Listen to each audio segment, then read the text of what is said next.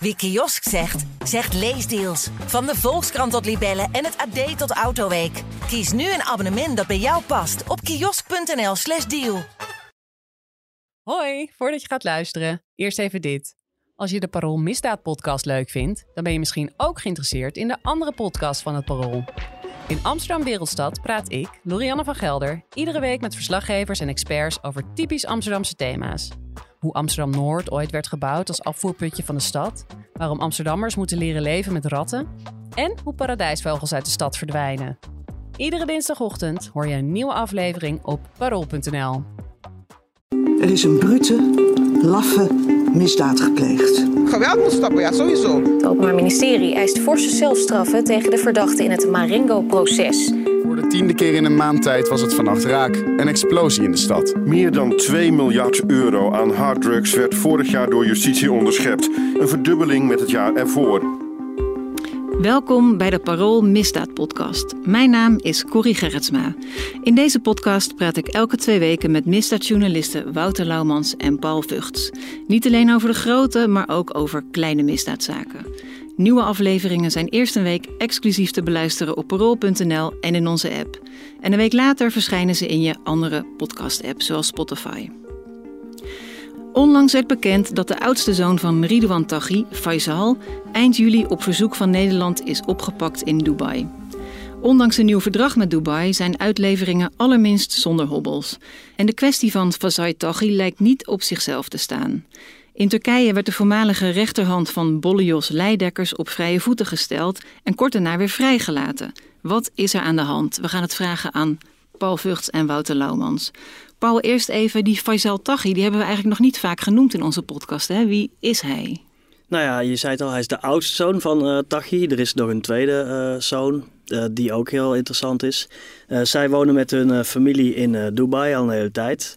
Hij studeert daar, wordt gezegd. Over het, de soort opleiding lopen de, de verklaringen uiteen. hij is in het grote proces tegen Youssef Taghi, de neef die ook advocaat was... Uh, veel over de tong gegaan, omdat hij ook daar uh, door zowel het Openbaar Ministerie als de rechtbank geschaard is in uh, de criminele organisatie van Ridwan Taghi buiten, die via de Youssef het werk voort zou hebben gezet. Nederland heeft al een hele tijd een groot interesse, warm interesse voor hem. Omdat het erop lijkt dat hij gaandeweg is uitgegroeid tot de, de tweede man van de organisatie. Als je er nog vanuit gaat dat Rido Dagje nog steeds de eerste man is gebleven. Mm -hmm. nu moet ik daarbij zeggen dat er wel meer tweede mannen zijn aangemerkt. ik bedoel rechterhand, linkerhand. maar goed, een belangrijke pion in, in de organisatie.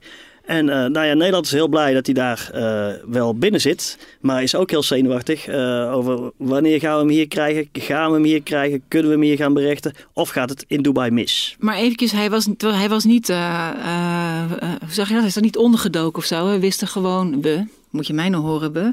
Het was gewoon bekend waar hij, dat hij daar woonde. Of was hij echt soort onzichtbaar en waren er echt mensen echt naar hem op zoek? Nee, hij was daar, lange tijd heeft hij daar gewoon uh, uh, samen met hun moeder, uh, hebben ze daar gewoon geleefd. Er is ook allerlei communicatie die we ook voor een deel wel hebben. tussen Ridwan Taghi en die moeder. en tussen Ridwan Taghi via Youssef en Faisal, volgens het Openbaar mm -hmm. Ministerie. hij heeft de bijnaam Genie en dat komt op meerdere plekken in dossiers op belangrijke punten Is dat omdat voort. hij studeert? weet ik niet. Dat is niet bekend. Waarom die, waarom, waar die bijnaam vandaan komt is ons niet me bekend. wel namelijk, dat ik dacht genie. Nou ja, ik, ik bedoel, ik, hij, hij, dat hij studeert uh, wijst op een zekere mate van intelligentie. Dus ja, misschien, maar dat is speculeren, dus ik weet, wij weten dat niet. En dan wanneer hoorden jullie van de aanhouding van uh, Faisal? Uh, ik zat eigenlijk op de camping. Ja, dat, soms is het zo. Soms ik is ook, het, ja, camping. Ja, soms is het zo. Hè. Dan, het was tijdens de zomervakantie en ik, weet je wel, ik, ik ja, maar dat is heel lang moet geleden dan afspreken al. met mijn betere helft om niet de hele dag op mijn telefoon te gaan zitten prutsen. Dus dat, daar hou ik me dan keurig aan. En toen kwam er een berichtje binnen. Uh, de zoon van uh, Ridwan Taghi is opgepakt in Dubai. Maar niet een berichtje toch van ANP of zo? Nee, nee, nee. Dat, binnen nee, jullie nee, eigen nee. kanalen bedoel ik. Binnen, ja, van, van, van, van, iemand die, uh, die ik hoog heb zitten. Uh, en uh, toen, toen dacht ik, oh oké, okay, nou ja goed. En weet je wat het is? Je hoort wel vaker dit soort ruis, weet je wel, over de lijn gaan. En toen eigenlijk volgens mij een paar uur later maar dat kan ook aan mijn uh, telefoonverbod hebben gelegen. Toen kreeg ik van iemand anders hetzelfde berichtje. Dat was eind, het, speelt allemaal eind juli. En toen ben ik volgens mij ja, uh, Paul gaan appen van ja, ik, ik, ik zit hier tussen, tussen de barbecue en en en, de haringen. Dus uh, ik, weet je wel, heb jij iets gehoord? En, ja, en vervolgens zo werken wij dan als een soort, uh, hoe zeg je dat, estafette. En dan geef ik even het stokje over en dan kijken we, uh, gaan, we gaan we dobbers uitgooien. Nou, Wout was op vakantie, ik niet. Ik was toevallig even een weekendje uh, op een, ook op een camping, maar dat, dat boeide verder niet. Um, en ja, dan gooi je inderdaad dobbertjes uit. Dus je, je moet je voorstellen dat je een stuk of tien dobbers uitgooit en dan wacht je net als bij vissen tot er eentje naar beneden schiet. Nou, dat duurde even. In het begin ook krijg je reacties. Allerlei mensen die, van wie je veronderstelt dat die iets zouden kunnen weten, weten van niks. Kan je iets specifieker zijn of is dat allemaal heel lastig? Uh, dat kunnen kringen rond. Uh, dat kunnen kringen uit opsporing zijn, dat kunnen advocaten zijn, uh, dat kunnen kennissen uit de entourage van criminelen gelinkt aan Tachi zijn. Mm -hmm. voor zover die zelf vastzitten. Anders kunnen ze het ook zelf zijn. Ehm, en uh, ja, dan, dan probeer je maar wat je uh, proberen kunt. En dan wordt het ingewikkeld. En natuurlijk ga je ook het officiële pad in, uh, woordvoerders en zo. Maar dat heeft in, bij heet nieuws heeft dat meestal niet zoveel zin. want ja, of ze weten het niet, of ze willen het niet zeggen, of ze draaien eromheen en zo. Dat, ik wil niet, niet lullig doen over woordvoerders, maar daar heb je de eerste weken meestal niet zoveel aan. En daarbij is Dubai voor ons natuurlijk ook wel journalistiek gezien een zwart gat. Hè, waar wij zitten hier, in Dubai gebeurt van alles. Wij horen wel het nodige altijd uit, Dubai. Dus soms dan hoor je opeens zo'n roddel dat iemand een klap voor zijn smoel gekregen heeft in, in, in, een, in een chique disco. Of, of dat soort dingen. Dat, komt wel bij ons. Maar dat je dan even denkt van oké, dan moet ik uh, poppetje A, poppetje B, poppetje C bellen. En dan heb ik zo'n verhaal rond. Dat is daar gewoon moeilijker. En, wat daar natuurlijk ook meespeelt, is dat het daar, ja, heersen andere normen, waarden. Uh, vrije pers, daar hebben ze daar toch een andere interpretatie van. Dus het is allemaal ingewikkeld om, om nieuws uit Dubai uh, hier zeg maar, uh, ja, hoe, hoe, noem je dat, te, te verzilveren. Hè? Dat, je, dat je dat kan zeggen van oké, okay, dat klopt dus. Ja, maar je zou zeggen, als het op verzoek van Nederland is dat hij gearresteerd is, dan dat er aan zeggen, deze kant misschien dan, wat zit. Ja, dan, maar hier, ook hier uh, was het oorverdovend stil. Nou, dan komt er nog een tweede aspect en dat is misschien wel minstens zo belangrijk. Het kan zijn dat helemaal in het begin dat mensen het niet precies wisten uh, van de hoed en de rand. Maar vervolgens breekt er een periode aan waarin je voelt dat het klopt, uh, maar dat men het gewoon niet wil bevestigen uh, om allerlei redenen. Ja, want jij begon het, dat weet ik nog wel, Paul. Jij hoorde het op een gegeven moment, zei ook van ja, ik hoor het nu ook uit alle kanten. Ja, het... Dus het, in het milieu ging het echt wel gewoon volop rond. Hè? En, en, dan zou je zeggen, drie bronnen, dat is, dan heb je je verhaal rond. Maar ja, het kan, wat wij niet uit kunnen sluiten, is dat je gewoon, dat mensen dezelfde mensen hebben gesproken als wij. Ja, dat ze elkaar na gaan praten. Dat er één oerbron is. En vervolgens merk je aan de kant van uh, mensen die wij serieus nemen in de kringen van opsporing en zo, merk je, oh oh, stroom op de zaak, zoals wij dat noemen. Er staat stroom op, dit is een uh, verboden onderwerp. En dan ga je denken, oh shit, er speelt kennelijk gevoeligheid allemaal met Dubai, diplomatiek, net een nieuw verdrag, wat je in het intro al zei. En, uh, en dan, dan breekt er een hele ingewikkelde periode aan, waarin je eigenlijk uh, uh, zeker weet dat het klopt, maar dat je niet weet wat je allemaal stuk maakt als je het zou publiceren. En normaal uh, Wouter en ik worden graag serieus genomen als volwassen mensen. En normaal voel je ook een volwassen gesprek met de andere kant. Bijvoorbeeld mensen binnen de opsporing. Maar belangrijke mensen waren met vakantie of anderszins onbereikbaar. En dan... Maar ook bij, aan, de, zeg maar, aan, de, aan de andere kant was het precies zo. Hè? Ja. Dus als je gaat navragen van, van in kringen van advocaten. Daar werd met dezelfde terughoudendheid uh, gereageerd. Kijk, wij praten met iedereen. Dus we praten niet alleen met de opsporing, maar we praten ook met, we praten met echt iedereen. En in al die verschillende hoekjes en gaten was er een soort terughoudendheid om hierover te praten. En dat is gek. En we wisten ook wel dat sommige collega's er inmiddels ook wel lucht van hadden. Dus dat, dat het maakt het allemaal ingewikkeld. Uh, nou, ik ja, kan me voorstellen dat de druk dan wat hoger wordt van hè, we willen ook niet als laatste publiceren of zo. Ja, maar wij hebben met elkaar en met het parool een hele belangrijke afspraak. Uh, dat is beter te laat dan fout. Uh, en dat is, wel, dat is wel een belangrijke afspraak. En fout kan ook nog zijn dat je iets... iets Stel, het is niet waar. Gevoelens kapot maakt. En uh, ja, dus of het klopt niet... Of, of je, gooit, je gaat als een olifant door de porseleinkast terwijl je niet weet wat er allemaal in die porseleinkast zo staat uitgestald. En wat er allemaal kan breken. En dat, dat is ongemakkelijk. Dat eens in de zoveel tijd gebeurt zoiets. Zit nog steeds niet lekker. Uh, gaan we ook later nog wel uh, um, met mensen gesprek over voeren. Omdat dat gewoon uh, ja, heel irritant is. dat je, kijk, wil best dingen geheim houden, maar dan moeten we wel weten waarom. Uh, en dan kunnen we zelf de afweging maken. Nou goed, uh, het, hoeft, goed, het, hoeft, niet lang over onze journalistenprobleempjes te gaan hoor. Maar wat er wel... Ook interessant op Paul. Maar uiteindelijk kregen jullie het verhaal gewoon wel rond. Ja, maar dat gebeurde. Nou ja, uh, John van der Heuvel van de Telegraaf, die was, die was eerder. die bracht het nieuws. En wij hadden eigenlijk die, die vrijdag daarvoor hadden wij het verhaal, zeg maar, het nieuws wel rond. Maar we wisten nog steeds niet goed wat, nou de, wat er nou precies aan de hand was. En eigenlijk wil je dan het verhaal ook volledig brengen. Ja. En dan opeens dan, uh, komt er een moment waarop de Telegraaf het dan als eerste brengt. Wij hadden afgesproken, we gaan het even nu even de komende week veredelen. En dan knallen we het uh, online en in de ja. courant. En dan, uh, en dan zie je opeens een bericht van de Telegraaf. En dan denk je van, oké, wat hebben zij? Nou, heel eerlijk ben ik dan ook wel, dan vloek ik ook wel even hard, hardgrondig, s ochtends vroeg. Omdat je er al een maand mee bezig bent. Um, en wat er dan vervolgens gebeurt, nou, dan neemt iedereen het over. Wij, wij hadden ook wel gehoord dat in, in Dubai... Uh, dat Faisal Taghi, dat er een procedure gevoerd was. Die zou gewonnen zijn door Faisal Taghi. Dus zijn uitlevering zou eigenlijk zijn afgewezen door een rechter in Dubai. En daar, loopt, of daar liep een hoger beroep. Oké, maar dus van arrestatie was het opeens, dan ging het over uitlevering? Toen ging het over uitlevering, ja. En dan schrijf je een verhaal eh, met allemaal mitsen en maren en hou je nog wat slagen om de arm. En aan het einde van de dag, holla de jee, stuurt het Openbaar Ministerie een, uh, een tweet met een persbericht eruit. En zegt: Ja, inderdaad, we hebben FT is aangehouden. En we hebben hele goede uh, hoop op een goede afloop. En dat laatste zinnetje, dat is op zich wel grappig, omdat je dan denkt: daar zie je dus eigenlijk van dat is bijna diplomatie. Weet je wel, we hopen dat het, we hebben er volste vertrouwen in dat het dat het allemaal tot een goed einde gebracht zal worden. En eigenlijk uit dat laatste spreekt eigenlijk zoveel dat je denkt van nou, volgens mij is er zoveel meer aan de hand wat wij nu niet weten.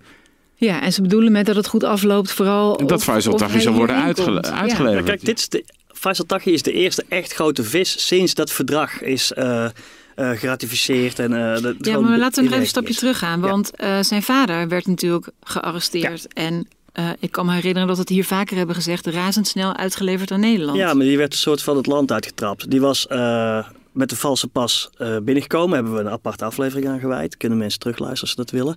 En met een vals paspoort binnengekomen. En dus kon Dubai zeggen, hij is hier ongewenst vreemdeling. En nou, wie hem wil komen ophalen, die mag hem komen ophalen. Nou, er waren twee voorname kandidaten, Marokko of Nederland. En hij beweert dat hij heel graag naar Marokko had gewild. Ik betwijfel of dat waar is. En nou, toen heeft hij daar nog een pak slaag gekregen. En toen is hij uiteindelijk op het, uh, van de andere autoriteit, niet de Nederlandse denk ik, maar volgens Ines Wesky, zijn geweest advocaat, wel met medeweten en medeverantwoordelijkheid van uh, Nederland.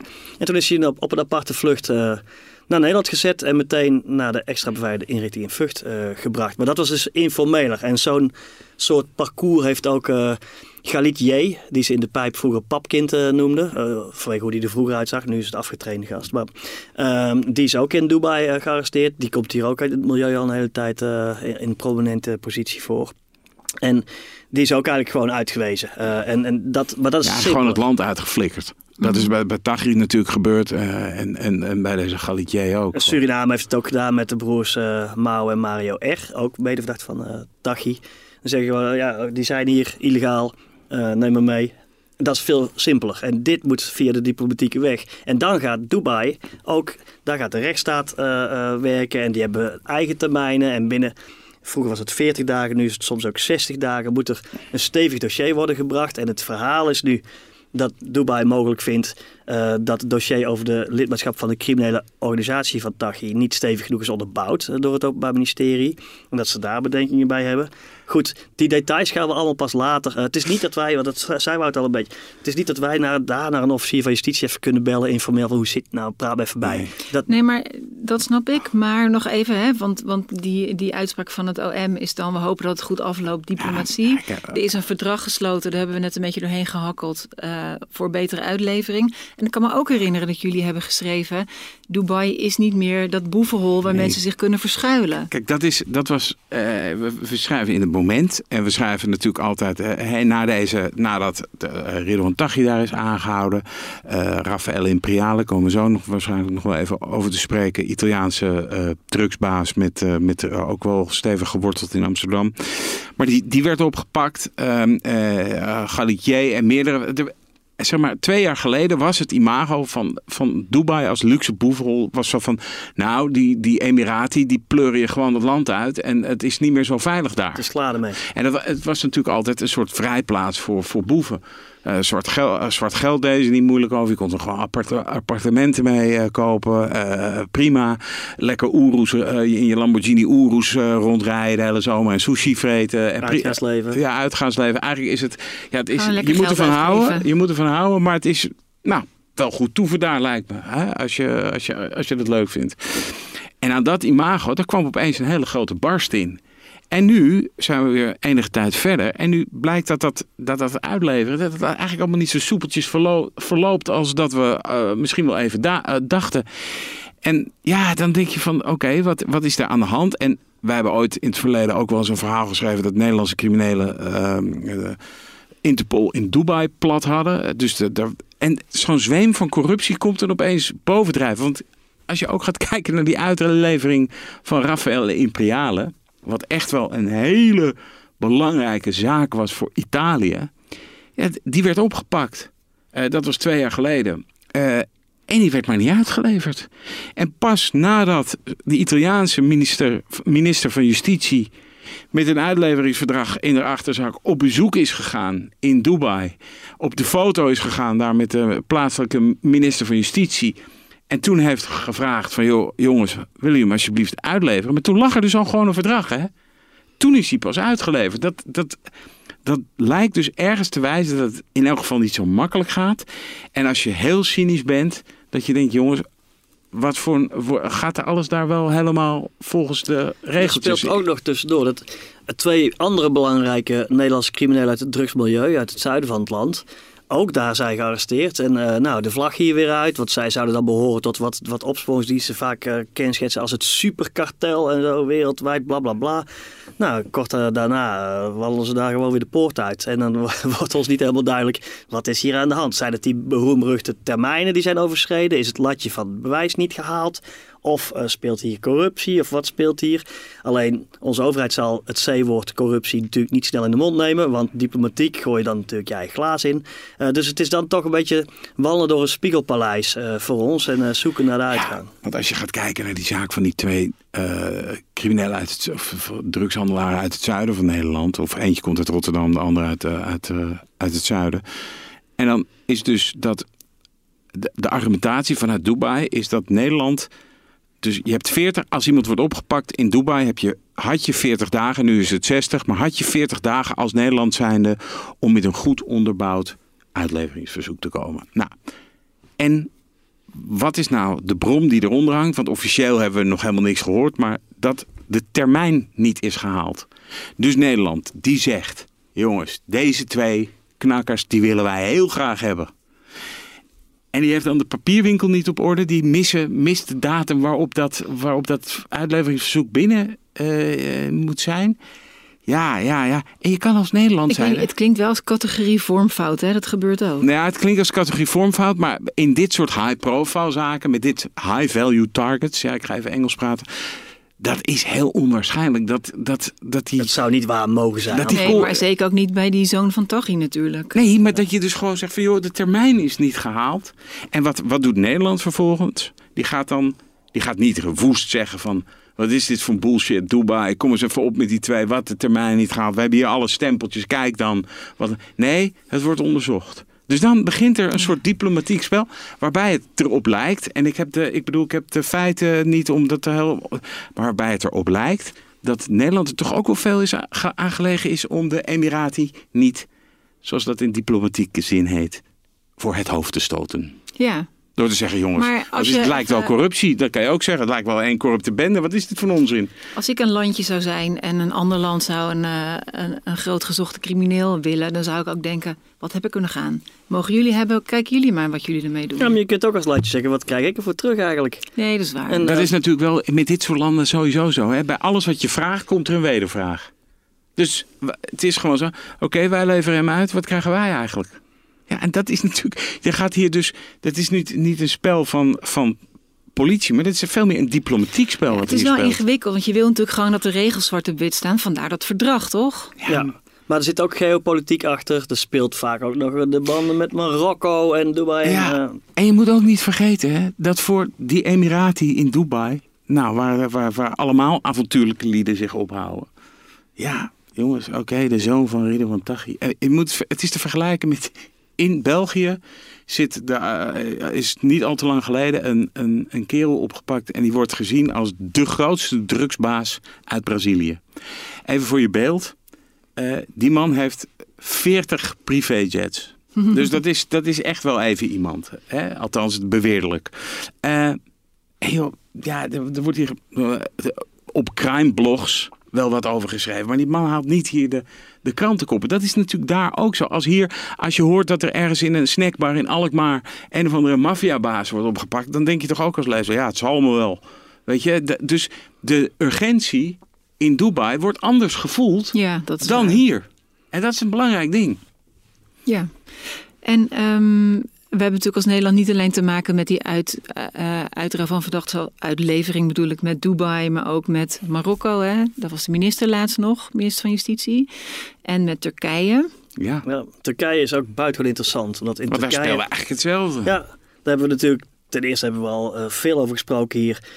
Daar wordt eh, in elk geval gedacht dat Jos Leidekkers, de most wanted van dit moment eh, van Nederland, dat hij daar in elk geval lang heeft verbleven of nog steeds is. En ook met familie daar is geweest. En dat hij daar al twee keer zou zijn gearresteerd en weer vrijgelaten. Eh, ook allemaal gedoe tussen de reguliere Turkse politie, mogelijk en geheime diensten. En wel of geen betalingen. En hij schijnt enorm bedragen te hebben moeten betalen om, zich, om op vrije voeten te blijven. Dus dat zouden wij ook snel als corruptie bestempelen.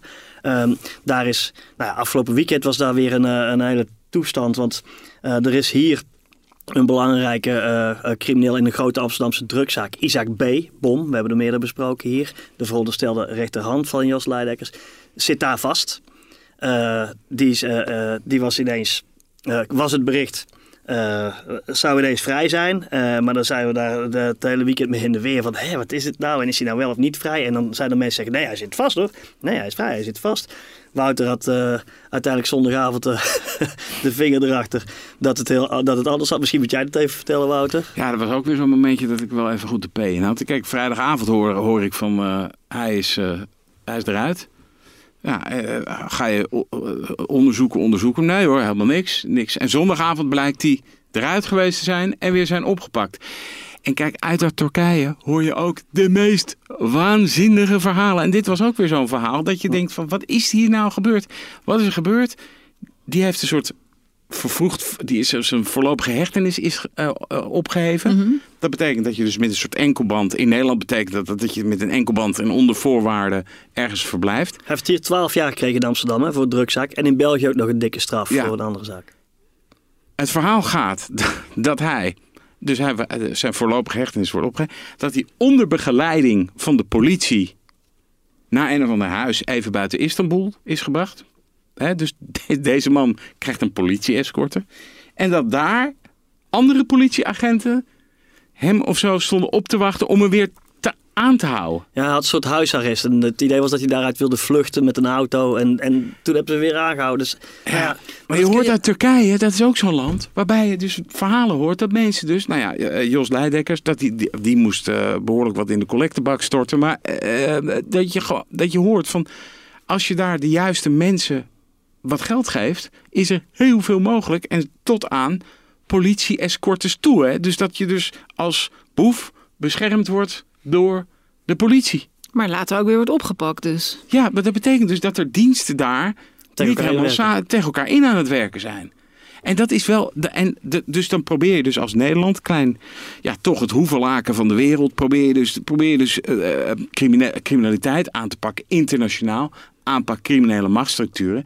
En dat verzandt dan in toch in landen waarvan je denkt, ja, wat is hier toch allemaal weer aan de hand? Weet maar je is het niet zo dat, dat heel veel Europese landen dan samen eh, proberen dat bijvoorbeeld met Turkije goed te regelen? Of is Nederland dan zo'n... Nee, dat, dat probeert eh, Nederland en, en andere Europese landen proberen dat ook. Eh, overigens eh, hoorden we dit weekend vanuit de hoek van de opsporing ook wel bronnen van ja, hallo, Nederland is ook niet altijd eh roomser dan de paus. En in Nederland gaat ook van alles mis. En diezelfde organisatie waarin die Isaac zaak is, uh, als hoofdverdachte is veroordeeld, zijn er hier ook allerlei veroordeeld. En hier hebben de rechters die gasten ook allemaal uit voorlopig hechtenis laten lopen. En die kunnen ook alle kanten op. Dus uh, het is hier ook, het is niet dat Turkije nou zwart is en Nederland zo wit. En um, in het verleden hebben we daar wel een, een roemruchte zaak over gehad. Om even te schetsen dat het niet iets van vandaag of gisteren is. We hebben hier in het verleden Saban Baran gehad. Ik weet niet of die naam nog wat zegt, maar dat was echt een hele beruchte Duits, Duits-Turkse vrouwenhandelaar. Uh, die had een enorme bende en het idee was, met wel 50 uh, verdachten uiteindelijk. En het idee was dat uh, zij meer dan 100 vrouwen, en misschien wel meer, veel meer dan 100 vrouwen, onder dwang achter de ramen lieten werken. Bijvoorbeeld in Amsterdam, ook in andere steden, Alkmaar, Antwerpen. Um, dat is een enorme zaak geweest. Ik heb daar mijn vingers over blauw getikt voor, uh, voor het parool. Um, en uiteindelijk uh, dat hele proces gevolgd. En, uh, en dan, wordt hij dik veroordeeld. Gaat hij in hoger beroep. En dan gaat het hier in Nederland allemaal mis. Dan gaat, eerst is er even iemand van de kant van het Openbaar Ministerie in hoger beroep. Niet scherp. Die verzet zich niet heel erg hard tegen het verzoek om vrijlating. Saban namelijk had bij een van zijn slachtoffers een kindje verwekt. En ging natuurlijk toevragen, wat altijd gebeurt. Nou wil ik wel vrij, want ik heb mijn kinderen niet in mijn arm mogen houden. Kan ik niet even een paar dagen naar mijn vrouw? Nou, uiteindelijk heeft het uh, uh, behoorlijk naïeve uh, gerechtshof... zonder kennelijk goede kennis van het dossier. want het was zeer bekend dat hij heel vluchtgevaarlijk was. Hij was ook op de vlucht gepakt, mm -hmm. afhankelijk. Hebben hem laten gaan. Even voor op kraamvisite bij zijn vrouw. Nou, die was natuurlijk Foetsie. Die is naar Turkije gevlucht. En die is daar een discotheek begonnen. Escape heette die discotheek. Dat vond hij grappig. Ehm, en, uh, ik vind het ook best grappig eigenlijk. nou, nou, ja, Toch? En dan vervolgens... Ah, gewoon een opgestoken middelvinger is dat. Ja, en dan kan Nederland vervolgens met de pet in de hand... met hele chique delegaties en zo... Uh, naar Turkije reizen om te vragen of zij alsjeblieft die straf willen executeren. Die straf willen uitvoeren daar. Want Turkije uh, levert geen uh, onderdanen uit. En Saban Baran was deels uh, van Turks origine. Uh, hij ligt daar gewoon op het strand. En nou ja, hij was gewoon op de sociale media ook actief. Dan komt er een Turkse delegatie naar hier. En die worden hier gefetteerd. En die krijgen een rondleiding door Zwolle en zo. Waar het mensenhandelcentrum zeg maar, van het Openbaar Ministerie zit. Um, ja, en dan, dan moet je daar allemaal met, allemaal chique types van daar en chique types van hier. En, en die zijn heel uh, lang in de weer voor dan eindelijk Turkije ertoe besluit toch maar die door Nederland verklote zaak daar tot celstraf voor hem te laten uh, leiden. Is ook dan heel lang onduidelijk of dat dan gebeurt, ja of nee. Dus die, die banden, ik, ik snap ook wel dat, dat in Turkije ook niet het, leven, uh, het idee leeft dat in Nederland alles zo fantastisch gaat, snap je? Dus, dus het is vanuit hier makkelijk praten, maar hier gaat ook uh, van alles mis. En je ziet altijd die diplomatieke betrekkingen. Nou ja, dat kan tot aan het gênante toe zijn ben ook wel, Wouter en ik zijn samen naar Marokko geweest en zo. Ja, dan gaan daar Nederlanders... Ja, uh... Weet je nog dat we toen iets aan die... wij mochten toen iets aan een, de Marokkaanse onderzoeksrechter mochten we interviewen. Ja, interviewen. Nou, die man ging zitten, die stak een sigaret op. Die ging ons een half uur vertellen hoe het allemaal werkt. toen was het interview afgelopen. En, en dan zit niks, hem niks kunnen vragen. Nee, daar hoge vraag mensen, of twee vragen. Hoge pieven van uh, het Amsterdamse Openbaar Ministerie. Weet je, de, die zitten daar maar beleefd uh, te lachen en zo naar die man. En de officier van justitie die het onderzoek leidde, zijn vrouw. Nou, die, werd, die moest ook eerst maar nog eens serieus genomen worden in, in deze mannencultuur daar. Uh, en dan is het, ja, gaat de Nederlandse staat uitdragen hoe uh, onze staat toch ook geënt is op het Franse rechtssysteem. Dus Marokko is ook een serieuze rechtsstaat, bla bla bla. Later komt er een corruptieaffaire. Vanuit Nederland wordt er druk gezet op Marokko om die corruptieaffaire te onderzoeken. Doen ze niet al die ingewikkelde, opgebouwde uh, pet in de hand uh, diplomatie is weer allemaal verstoord. Nou, dus, dus, nou ja, moraal van het verhaal, of het nou Dubai is, Turkije, Marokko, of Suriname, wat natuurlijk ook voor een deel een narco-staat is geweest en nog steeds. Uh, het is allemaal super ingewikkeld uh, om dat overzeese uh, te regelen. En wij als journalisten zitten daar ook maar een beetje met ja, beperkte bronnen in de, in de diensten en zo van, ja, van Marokko. Ja, want in potentie kan je hier als journalist natuurlijk een hoop lol aan beleven. Hè? Want het is natuurlijk allemaal gedoe. Maar, maar het probleem is dat je gewoon een informatiepositie hebt die zo ingewikkeld is. En dat komt omdat partijen, uh, ja, die willen elkaar niet voor het hoofd stoten. Niet publiekelijk althans. Want dan, dan heb, voor je het weet heb je een diplomatieke rel tussen, tussen twee landen. Uh, maar goed, ondertussen speelt dit allemaal wel. En kijk, wat je tegelijkertijd denk je ook van ja, misschien is dit wel gewoon hoe het schaakbord er nu uitziet. We, hebben eh, een minister van Justitie eh, die, die, nou, die heel erg zegt: joh, we gaan die georganiseerde zware criminaliteit aanpakken. Dat is ook een speerpunt van het verkiezingsprogramma van de VVD. Eh, maar daarbij heb je dus een schaakbord. Dat gaat wel even, ve- even, even verder dan de grenzen van Nederland. Hè? Want je hebt een, een schaakbord. Wat heb je gewoon te maken met eh, Turkije, Suriname, Dubai, Marokko. En als die, eh, als die heren het even op hun heupen krijgen, dan kunnen ze zo een landje verderop. Eh er gaan verhalen dat de criminelen zich schuilhouden in Rusland. Nou, ga daar maar eens even lekker, ga daar maar eens even lekker tegen meneer Poetin zeggen. Ja, jongens, die, we hebben hier iemand die, heeft, die, die blijft maar cocaïne sturen. Zouden jullie die even willen oppakken? Nou, En dan van een Quincy Promes hebben we er nog. nou ja, en, het- ja, en, dan zegt, en dan zegt Poetin, ja, wacht eens even, hoe zit het met die hulp aan Oekraïne? Nou, en dan zie je dus daar, eh, zie je dus al gelijk het hele probleem. Dan ga je, wat gaan we dan doen? Wat En is het belangrijker? Het hoofdprobleem is natuurlijk dat de staat zich aan alle regels moet houden en alle diplomatieke mores. En die boeven, ja, die, die kiezen hun beste plekje en die zijn weg. En die, die ja, hebben eh, lak aan alles. En, en, en tot ze gepakt worden, en dan moet die eens alle regeltjes worden nageleefd. Maar ja, laten we, eh, ik bedoel, en misschien hoeven we ook gewoon geen medelijden te hebben met die boeven. Maar die hebben natuurlijk ook, in, in principe gaat bij hun de kruik net zo lang te water tot die barst. In de zin van, tot ze geld hebben. Geld. Zolang je, kijk, want die, die, je kan je natuurlijk ook iets bij voorstellen. En dat, eh, dan denk ik misschien slecht. Dat, die, dat, die, dat in die staten gedacht wordt, hé, hey, Wacht eens, oh, jullie, jullie vragen mij om deze knakker. Nou, dan gaan we eens even naartoe. gaan we En gaan we even op de pers Ja. leggen. En ja, jongen, je, je, je staat hoog op de verlanglijst. Meer je moest altijd drie ton per maand betalen. Is nu zes ton geworden. En dat iemand gewoon helemaal wordt uitgewrongen. En dat uiteindelijk, de- eh, wanneer, wanneer je leeg bent, dan eh, ben je rijp voor de slacht. Dat is niet, niet zo'n gekke gedachte in, dit, eh, in deze constellatie. En wat er nog relevant aan is, nog extra te vertellen, is dat natuurlijk nu het beleid is, bijvoorbeeld rond de organisatie van Ridwan Taghi, veronderstelde organisatie van Ridwan Taghi, er is nog geen veroordeling, is het beleid om die hele veronderstelde eh, eh, organisatie helemaal uit te kleden. Dus wereldwijd, alle poppetjes die nog van belang zijn, waar ook Faisal Taghi toe wordt gerekend, één voor één te pakken. En of het nou een Dominicaanse Republiek is, Suriname, Dubai. dat is, dat is, op papier is het ten eerste een heel logisch plan. En ten tweede eh, ziet het er op papier ook wel als uitvoerbaar plan eh, eh, uit. Want ja, je ziet een organogrammetje. Wouter en ik hebben die organogrammetjes ook getekend. Nou, dan kun je even een kruisje zetten door die, door die hoofdjes. Maar vervolgens moet je het kruisje weer uitgubben, want, want iemand is er weer gaan lopen.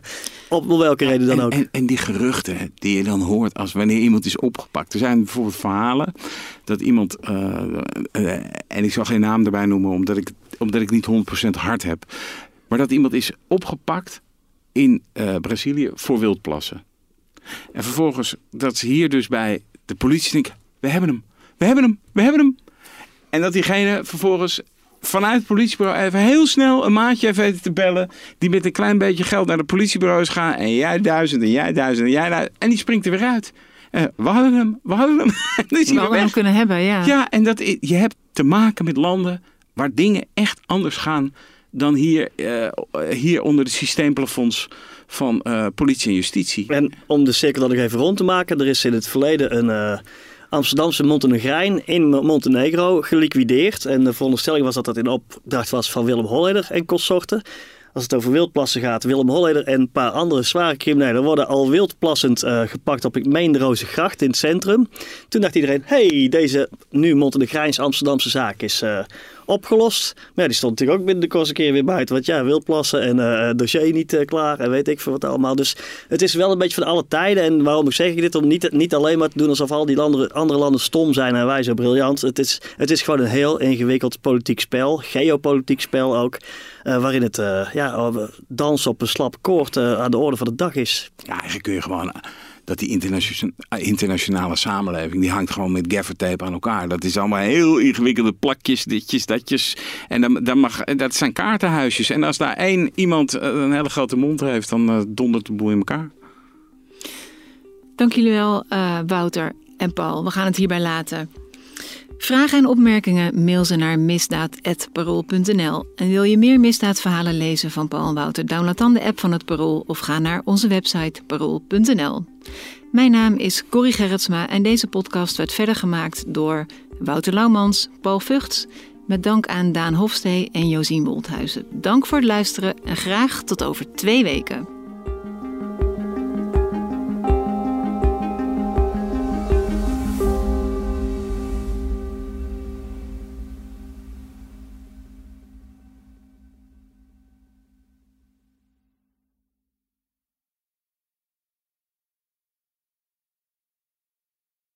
Hallo, ik ben Camilla Leupen, hoofdredacteur van Het Parool. Heb je genoten van deze podcast? Dan vind je onze artikelen misschien ook interessant. Een abonnement heb je al voor een paar euro per week. Je kan het ook eerst een paar weken proberen. Ga naar parool.nl slash podcastactie voor een actuele aanbieding. Dag! Wie kiosk zegt, zegt leesdeals. Van de Volkskrant tot Libellen en het AD tot Autoweek. Kies nu een abonnement dat bij jou past op kiosk.nl/slash deal.